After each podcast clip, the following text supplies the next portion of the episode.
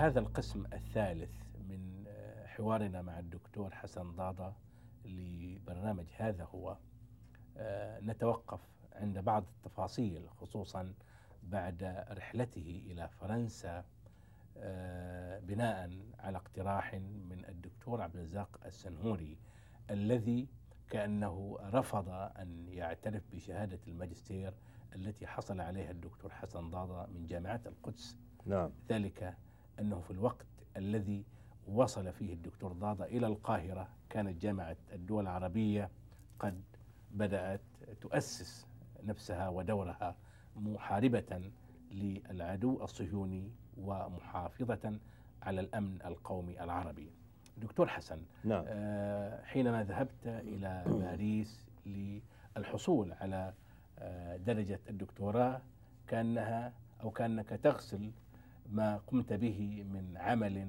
في القدس حينما ذهبت دارسا لأصول الفكر والأدب العبري نعم. آه نريد هنا أن تتحدث لنا بتفصيل عن تخصصك في دراسة الأدب والنحو العبري وأيضا دراستك للشخصية اليهودية من الناحية الفقهية والفكرية في هذه الناحية أشعر أنني مدين إلى أستاذ آخر كديني لطه حسين ولكراوس ولهؤلاء الناس في مصر. الأستاذ إدوارد دورم وهو أستاذ فرنسي غزير التأليف جدا. نعم. كان يدرس العبرية القديمة في معهد الدراسات العليا في السربون نعم. فدخلت إلى محاضرته بعد أن سألت واستعلمت وعرفت أنه أستاذ الأساتذة. فدخلت عنده فوجدت مائدة أمامه. مستطيلة وحولها حوالي عشرة خمستاشر طالب من طلاب الدراسات العليا وهو جالس ويقرئهم في التوراة ويترجمون ويشرح هو إلى غير ذلك. فظن أنني ضللت الطريق لأنه أول مرة يراني فيها. فنادى علي وقال لي يا صديقنا هذه محاضرة في الأدب العبري. قلت له أدري وأدري أنه البروفيسور دورم هو اللي يدرس فيها. قال لي نعم. اجلس. جلس. قال لي أنت من من أي بلد جاي؟ قلت له طيب خمن أنت اولا.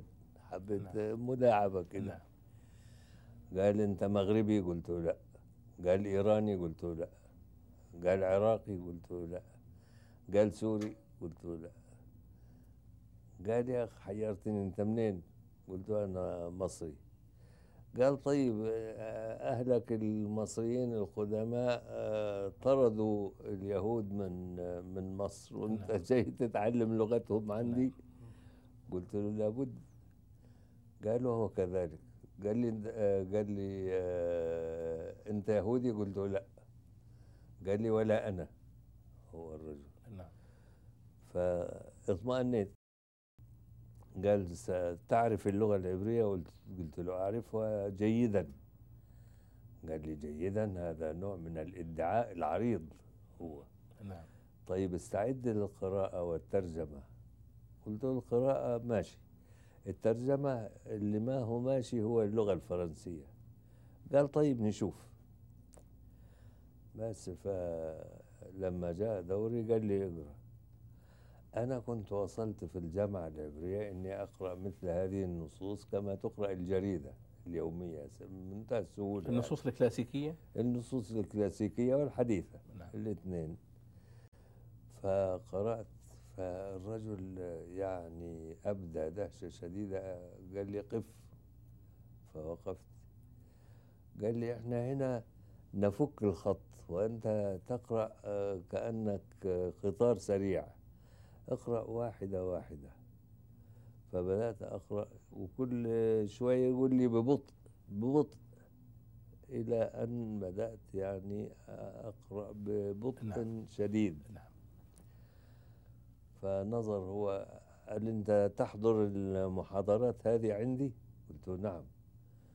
فنظر إلى تلاميذه وقال اسمعوا من الآن أنصتوا إلى قراءة هذا الرجل جيد وقلدوه هو في نطقه ولا تقلدوني أنا.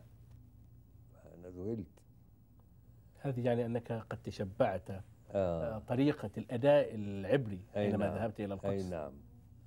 وبعدين آه، قال ترجم.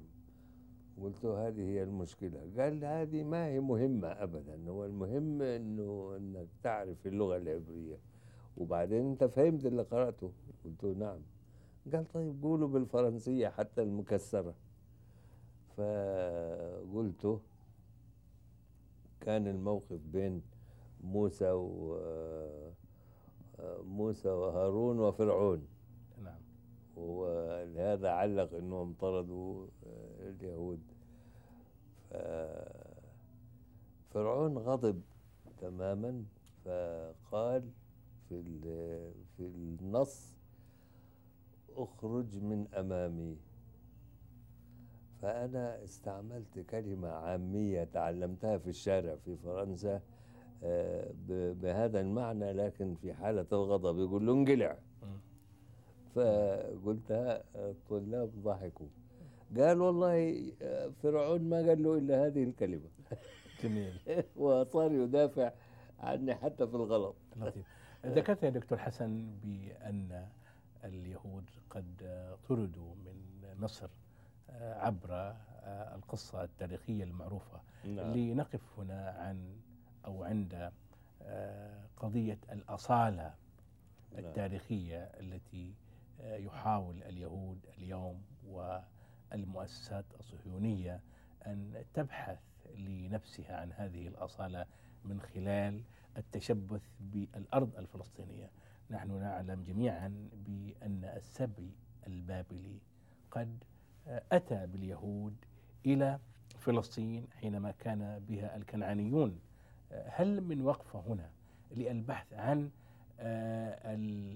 الشعوب التي كانت تقطن فلسطين قبل أن تتعاور عليها آه، الهجرات اليهودية. هو الهجرات اليهودية آه، يعني آه، بدأت من قديم. وكانت آه، القبائل قد استقرت في أماكنها. بحيث إنه قبيلة شاردة بهذا الشكل ما كانت تجد لها مكان خصوصا إذا كانت ضعيفة. واليهود كانوا ضعفاء حاولوا الاستقرار في العراق قديما فلم يستطيعوا. حضارة قديمة وكبيرة و... نعم. فيها السومريين والبابليين والأشوريين. فهاجروا إلى آه، سوريا شوية منهم. فالآراميين المستقرين هناك وكانوا يسيطرون على خطوط التجارة البرية ويذهبون فيها من آه، دمشق إلى كوريا في هذا الوقت على ظهور الإبل وعلى ظهور البغال آه، فلم يطب لهم المقام أيضا أو ما قبلهم المجتمع الآرامي.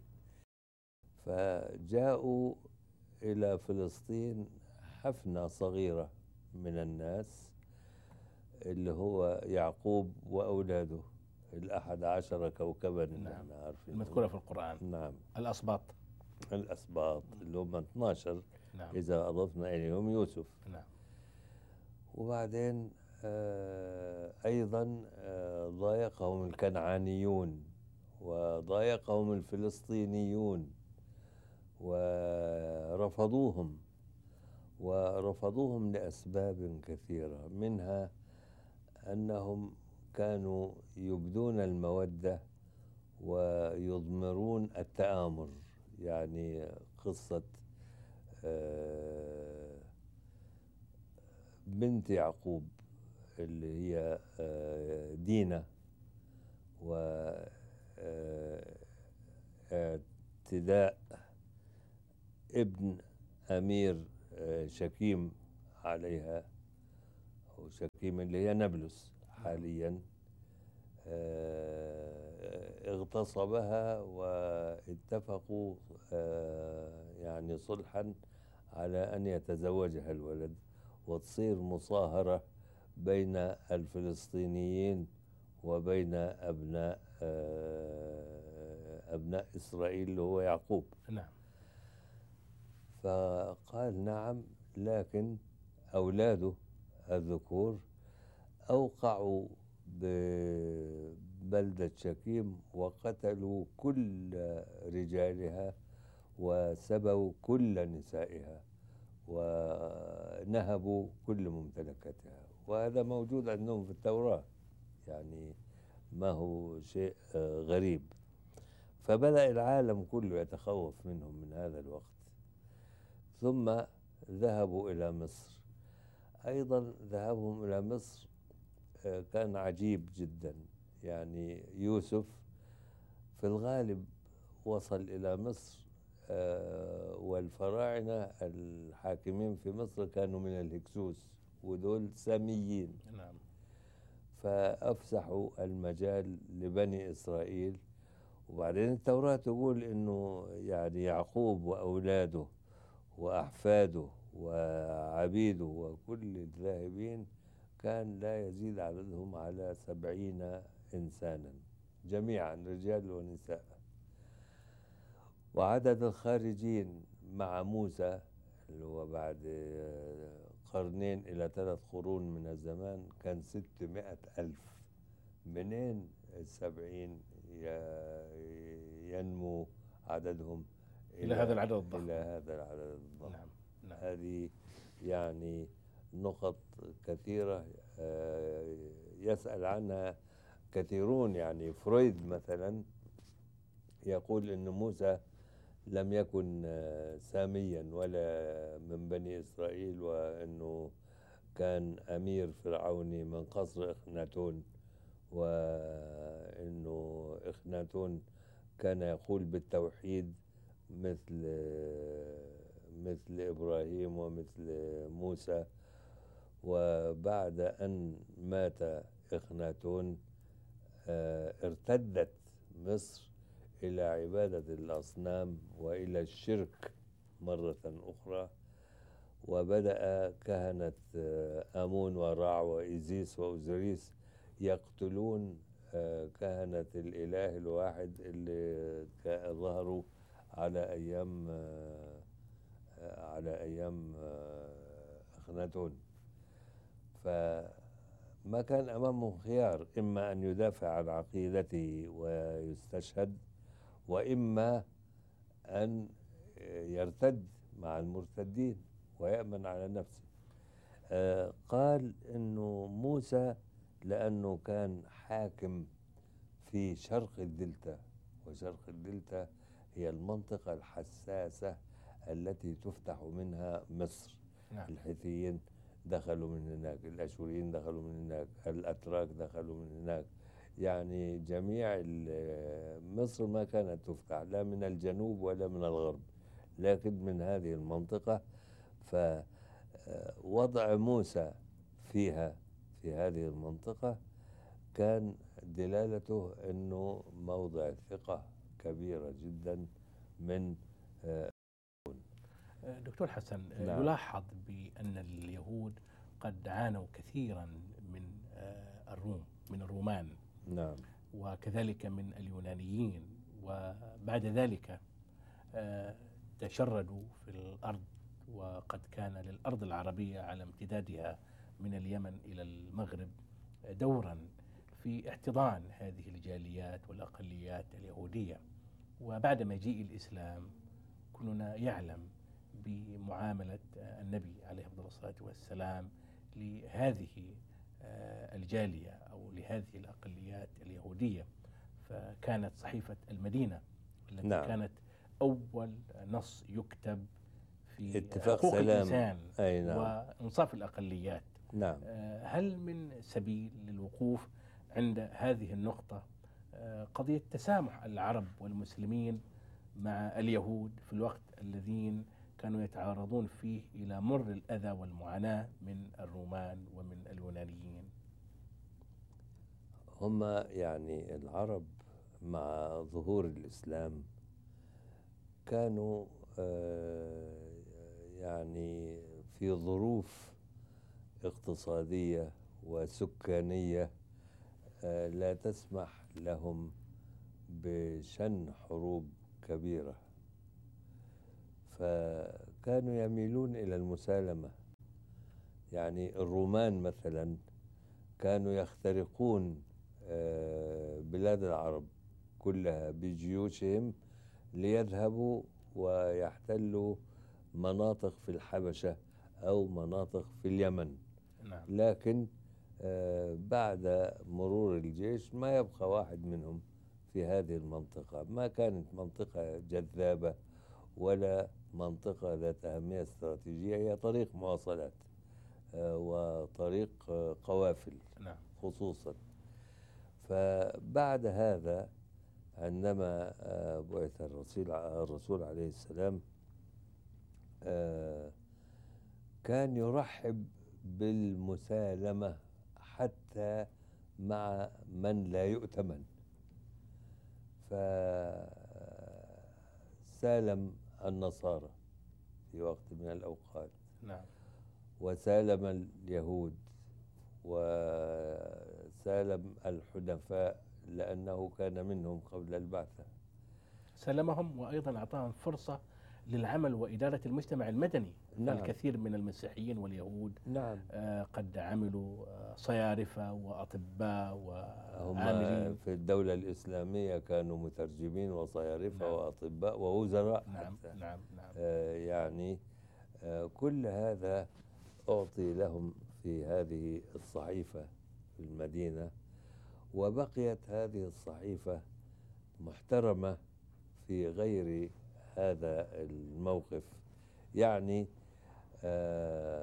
يفرق في الإسلام بين الدول التي فتحت عنوة والتي فتحت صلحا. نعم. فالتي فتحت صلحا لو كان أهلها من أهل الكتاب فلهم دينهم ولغتهم وأمنهم ويدفعون الجزية كأنها بدل آه، دفاع نعم. عنهم لأنهم لا يمكن تجنيدهم. فهذا طبق على مصر وطبق على جهات في الحيرة. نعم. مثلا فضلت أنها تبقى على نصرانيتها. بعد هذا وفضل وبقيت أجزاء كبيرة من قبيلة تغلب في سوريا اللي منهم الأخطل. بعد نعم هذا الشعر المعروف. آه، بقوا على المسيحية. نعم. فهو أعطى الأمان لليهود أيضا والحرية و... ولكن الملاحظ بأنهم قابلوا هذا الأمان بنكث الوعد. بالتآمر بالتآمر مرة أخرى ومحاولة قتل الرسول مرتين. مرة ألقي عليها نعم. حجر رحى نعم. آه، من سطح يهودي وهو واقف في الطريق. والمرة الأخرى اللي هو دعي إلى وليمة وأطعمته اليهودية آه، ذراع شاة مسمومة. نعم. فكل هذا آه، يعني لم يؤثر على علاقات اليهود آه، بالمسلمين فيما بعد.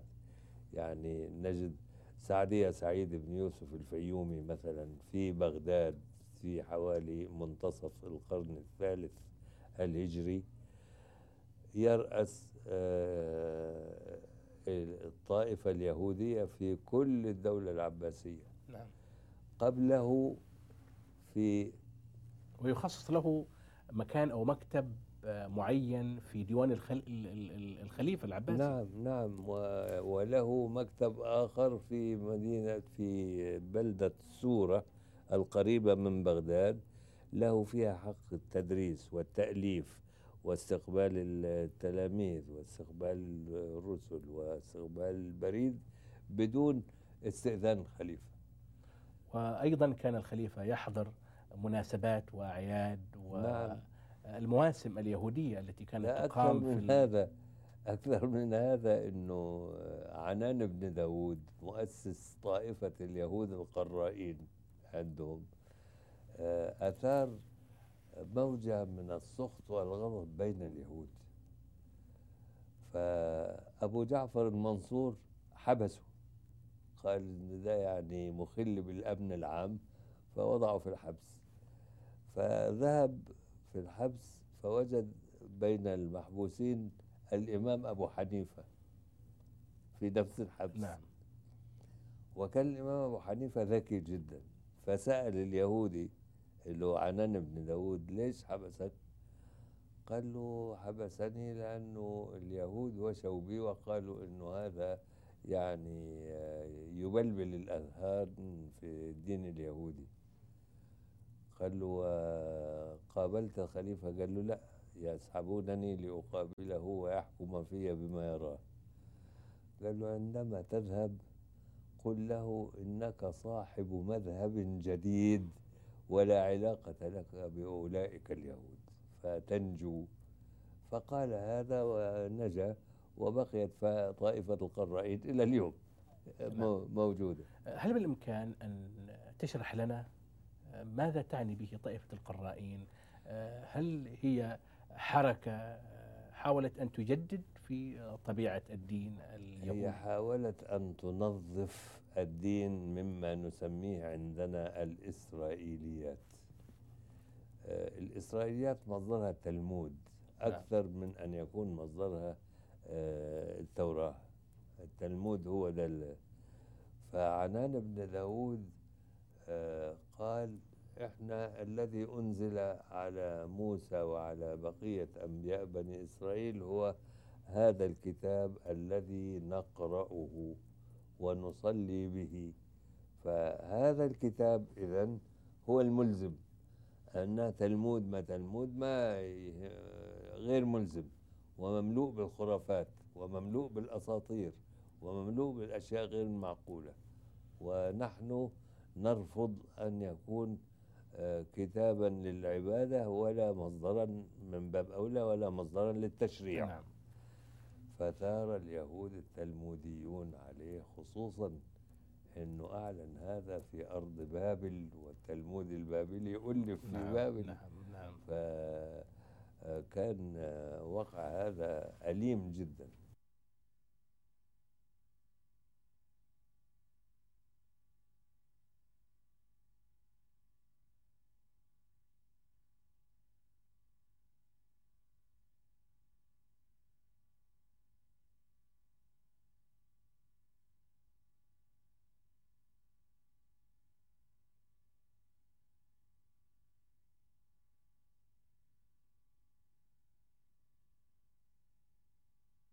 دكتور حسن ذكرت الإسرائيليات ونحن نعلم بأن هذه الكلمة آه، تثير أو مثيرة بالأحرى آه، أو تبعث على الكثير من الدلالات في آه، التصور الإسلامي.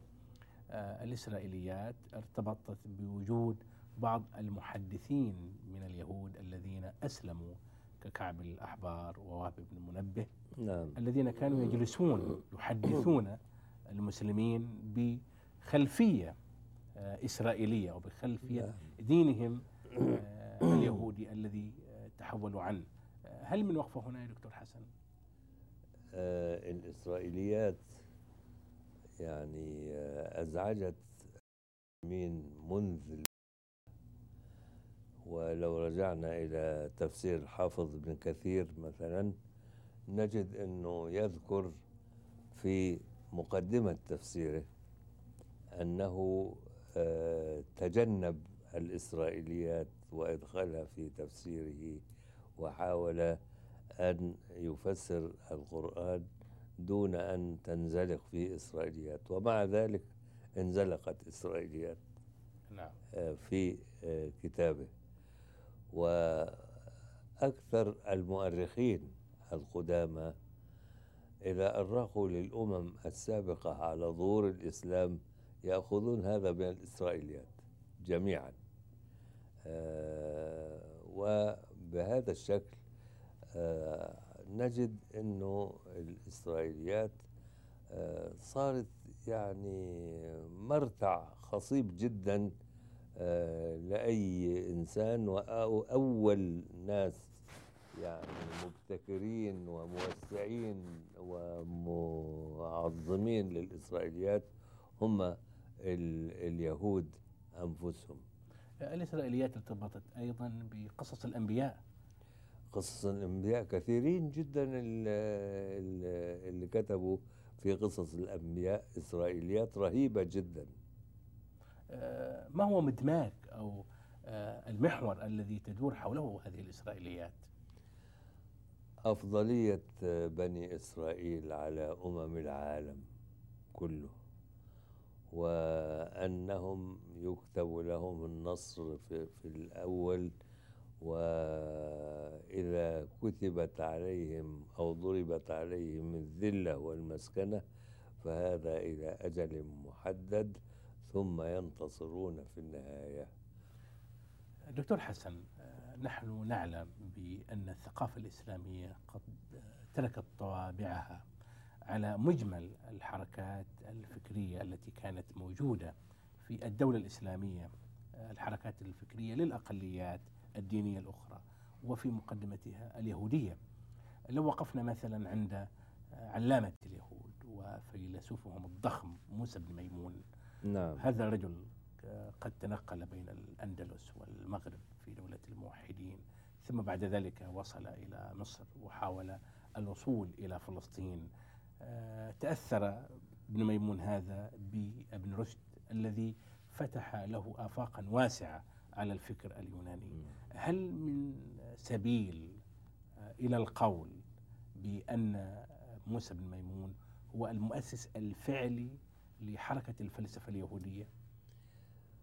هو يعني مؤسس من المؤسسين وليس آه، هو آه، كل المؤسسين. هناك ولا إمام المؤسسين. يعني آه، فيه هناك آه، حسداي بن شبروت مثلا نعم. منهم آه، فيه أيضا ابن غياث فيه بحياي ابن فاقودة فيه مروان بن جناح القرطبي كل دول كانوا علماء. دونش بن لبرط إبراهيم بن عزرة موسى بن عزرة داود قمحي آه، كل دول آه، كانوا موجودين. ولكن دائما أستاذنا ما يذهب الباحثون إلى اعتبار ابن ميمون هذا بأنه علامة مميزة في تاريخ الفكر اليهودي. هو علامة مميزة لسبب هو و- هو وسعدية الفيومي اللي هو في أقصى المشرق وسعدية الفيومي من بغداد والثاني من قرطبة. نعم. فالاثنين دول اشتهروا بين المسلمين لسبب وهو إن كتاب كل واحد منهم في العقائد اليهودية كان مكتوبا بالعربية وبعربية جميلة جدا. نعم. كتاب سعدية الفيومي سماه آه، كتاب الأمانات والاعتقادات وهو موجود ومطبوع وكتاب آه، موسى بن ميمون آه، سماه دلالة الحائرين. جميل. نلاحظ هنا أيضا بأن اليهود لم يكتبوا بلغة غير لغتهم سوى العربية أي أنهم لم يكتبوا بلغات أخرى. فهل يعني هذا إذا سلمنا بذلك آه، كأنه مؤثر أساسي في تكوين آه، الثقافة اليهودية التي أحيت تقريبا مع مجيء الإسلام؟ هو هذه آه، كلام يصح جدا في ثقافة اليهود السفرد.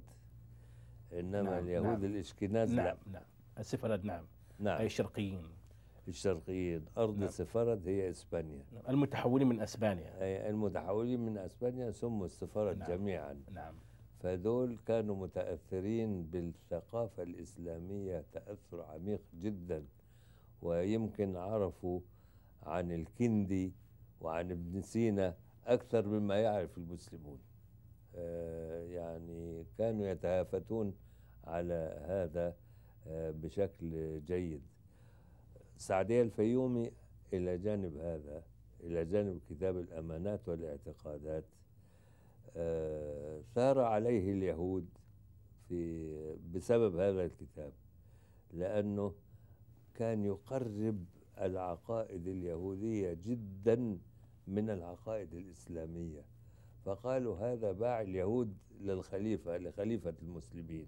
آه، دكتور حسن لو أردنا أن نتمثل جملة آه، هذه المحرمات أو آه، هذه التصورات الدينية اليهودية في وسط المجتمعات اليهودية التي تعيش على الأقل في العالم العربي هل هناك من أو من يتمسكون بهذه التعليمات؟ في من يتمسكون بهذه التعليمات جدا وكان فيه آه، قبل هجرة اليهود من مصر في العصر الحديث كان فيه آه، صاحب مطعم في آه، الإسكندرية يهودي اسمه بنيامين وكان صديقي. كان لا يطبخ في مطعمه شيئا إلا ما تبيحه له الشريعة الإسرائيلية. فكنت أروح وأنا مطمئن إلى أنه آه، الأشياء التي لا أحبها ما كان يعملها. يعني مثلا آه، اللحوم تطبخ ويضاف إليها اللبن اللبن الرائب. هذا حرام عندهم. وأنا لا أحب طعمه. فأنا مطمئن أنه ما حيقدمه. آه، عنده. الخنزير من باب أولى. ما فيش يعني. حتى النقانق اللي هي السجق زي ما نسميه آه، عندنا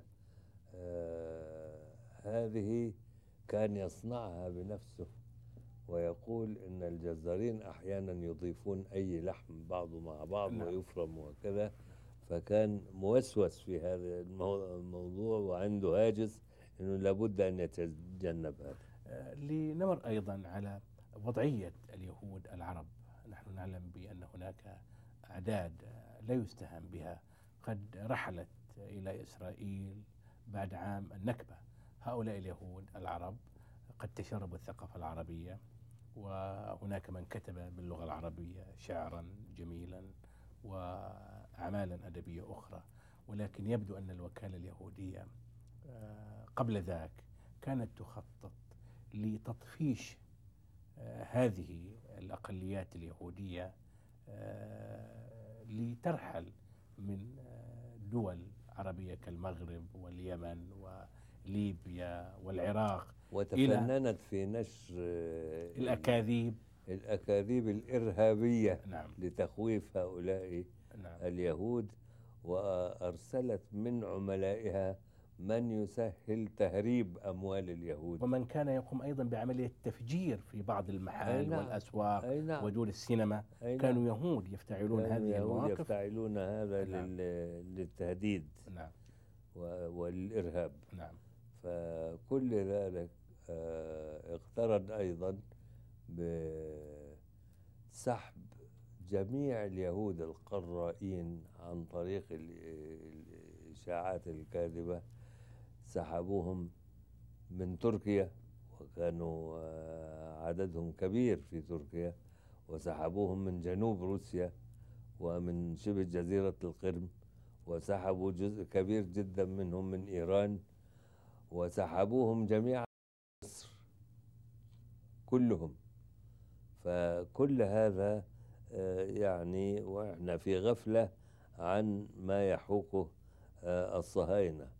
الصهيوني ممكن إنه يعني يجد من الصواب عنده إنه يضحي ببضعه آلاف من اليهود يقتلون أو تصادر أموالهم أو يمارس عليهم إرهاب بحيث تكسب الصهيونية. الصهيونية ليست إلا حزب من الأحزاب الضعيفة في إسرائيل. يعني والدليل على ذلك إنها كانت ترسم لمجيء كل يهود العالم إلى فلسطين فلم يجئ عندها إلا خمس يهود العالم حتى الآن. وهذا الخمس آه، يعني يمكن أربع أخماسه يحلم بترك إسرائيل إذا وجد إلى ذلك سبيلا. وفي وقت من الأوقات سألت واحد منهم كنت أستجوب أسير قلت له كيف اليهود فقدوا القدرة على أسير من التكلم آثار حرب أكتوبر. نعم. أسير من آثار حرب أكتوبر. أي نعم. نعم. فقلت له أنت ليه ما استجوبوك في الجيش هنا لما وقعت أسير؟ قال ما أعرف إلا اللغة العبرية. قلت له غريب يعني أنتم أصبحتم سجناء اللغة العبرية؟ فقال لي والله أنا فك- أفكر الآن.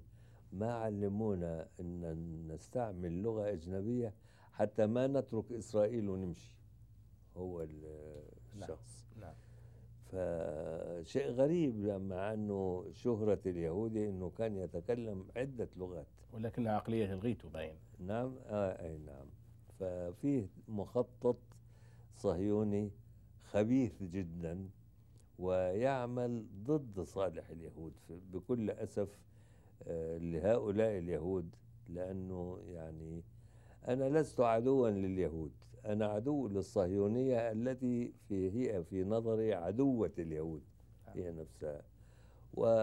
والمساومات والمماطلات اللي يعملوها في مسألة آه، الحكم الذاتي نعم.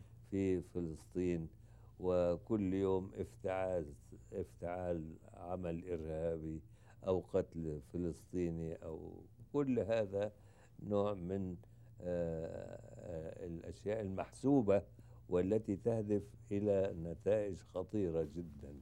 آه، ترسم صورة نمطية عن الشخصية اليهودية في المجتمعات الغربية تحديدا. كلنا قرأ أو معظمنا قرأ عمل شكسبير تاجر البندقية. وكيف نعم. صور ذلك اليهودي آه، الذي يقايض.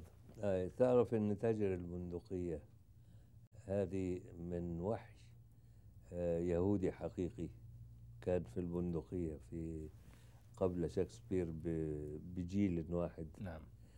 آه، اللي هو يعني آه، كان آه، أحس بأنه السلطان العثماني في أزمة مالية. نعم. فحمل كمية كبيرة من المال وذهب إليه وقدمه قال له هذه هدية آه، مني. فولاه آه، رئاسة على أسطول من أساطيل الدولة العثمانية وأعطاه لقب أميرال. نعم. وبهذا الشكل آه، أثار آه، حفيظة كل الأوروبيين اللي هم كانوا يح- يحقدون على السلطان العثماني. نعم. فجاء تاجر البندقية ويقولون أنه أخذ أمواله كلها من الربا ومن الناس في البندقية وحملها إلى عدو نعم. النصارى. على كل حال سؤال أخير دكتور. حسن في الوقت الذي كان فيه اليهود يعاملون بحسن نية في الوسط العربي وبتسامح إسلامي كبير. نجد أن المجتمعات الأوروبية قد عاملت اليهودي آه، تعاملا عنصريا نعم. آه، ورسمت أيضا صورة نمطية لشخصية اليهودي بأنه ذلك الإنسان آه، ذو الوجه البشع. نعم. عمل شكسبير وغيره يوضح هذا التصور نعم هل من وقفة هنا في حدود دقيقتين مثلا آه، أيوة. كيف نميز بين تعاملين تعامل العربي مع اليهود وتعامل الأوروبي آه، مع اليهود والذي أصبح في السنوات الأخيرة وكأنه يريد أن يكفر عن ذنوبه بإلقاء أيوة. كل تبعات هذه نعم. الذنوب على العرب هو مجيء آه، اليهود إلى أوروبا آه، حدث قبل ظهور الإسلام وقبل ظهور الإسلام بأكثر من 500 سنة يعني في التشريد الروماني. نعم. فهربوا من فلسطين ودخلوا في أراضي ومستعمرات الإمبراطورية الرومانية نعم. في أوروبا. نعم. ف وكانت أوروبا في حالة جهل وحالة انقسام وقبلية وما أعرفش إيه. نعم. نعم. وكانت تكره الأجنبي نعم فما بال الأجنبي اللي يتكلم اللغة العبرية ويكتب بأبجدية أخرى ويلبس آه، ملابس مخصوصة وله صلوات مخصوصة ولا يعترف بالمسيح.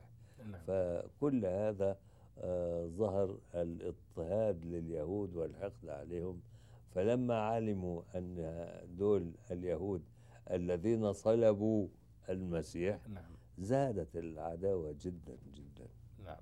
فهذا يعني آه، عملية قديمة جدا وما آه، تبديه آه، أوروبا أو الغرب عموما من التسامح مع اليهود. هو زي ما تفضلت أنت شعور بالخطيئة وبالتكفير عنها بمحاباة اليهود ولو كان هذا حتى على حساب المسلمين. دكتور حسن في الأخير هذا سؤال بسيط والصغير ذهبت إلى فرنسا لدراسة النحو العبري ولكنك نعم. تزوجت من فرنسية أيضا. أيوة.